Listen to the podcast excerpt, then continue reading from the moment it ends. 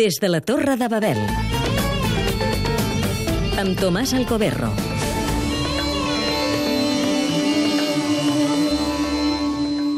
Tant els manifestants de la plaça Tahrir com aquests dies els de la plaça Taksim van ser tractats respectivament per l'aleshores president Mubarak i ara pel cap de govern Erdogan de terroristes agents de l'estranger.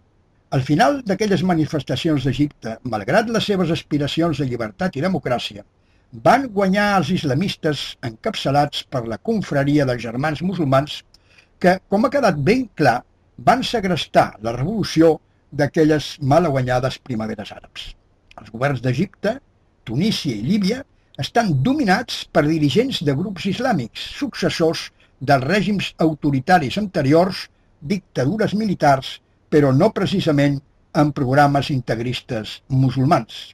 A Istanbul, els que protestaven i protesten s'han rebel·lat contra el poder del Partit de la Justícia i Llibertat, que està imposant una política d'islamització de l'estat turc de vocació laica fundat per el pare de la pàtria Kemal Atatürk i s'han rebel·lat contra l'autoritarisme, l'arrogància d'Erdogan, contra les seves lleis que limiten l'avortament, imposen el vel a les dones als llocs públics i restringeixen la venda d'alcohol. Els seus adversaris han volgut defensar l'identitat laica, el seu estil de vida liberal i occidentalitzat.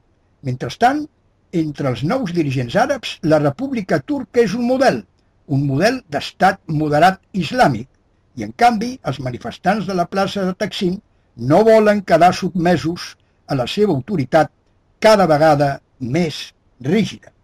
L'any 1998, Erdogan va ser condemnat a 10 dies de presó per haver divulgat aquest text. Les nostres mesquites són els quarters, les seves cúpules, les nostres llances, els minarets, les nostres baionetes, la fe, els nostres soldats. És a Damasc on el règim de Bashar al-Assad acusa l'Erdogan de fomentar la seva rebel·lió armada, sobretot d'integristes islàmics, on aquestes manifestacions han estat descrites com la verdadera primavera turca. Des de la Torre de Babel.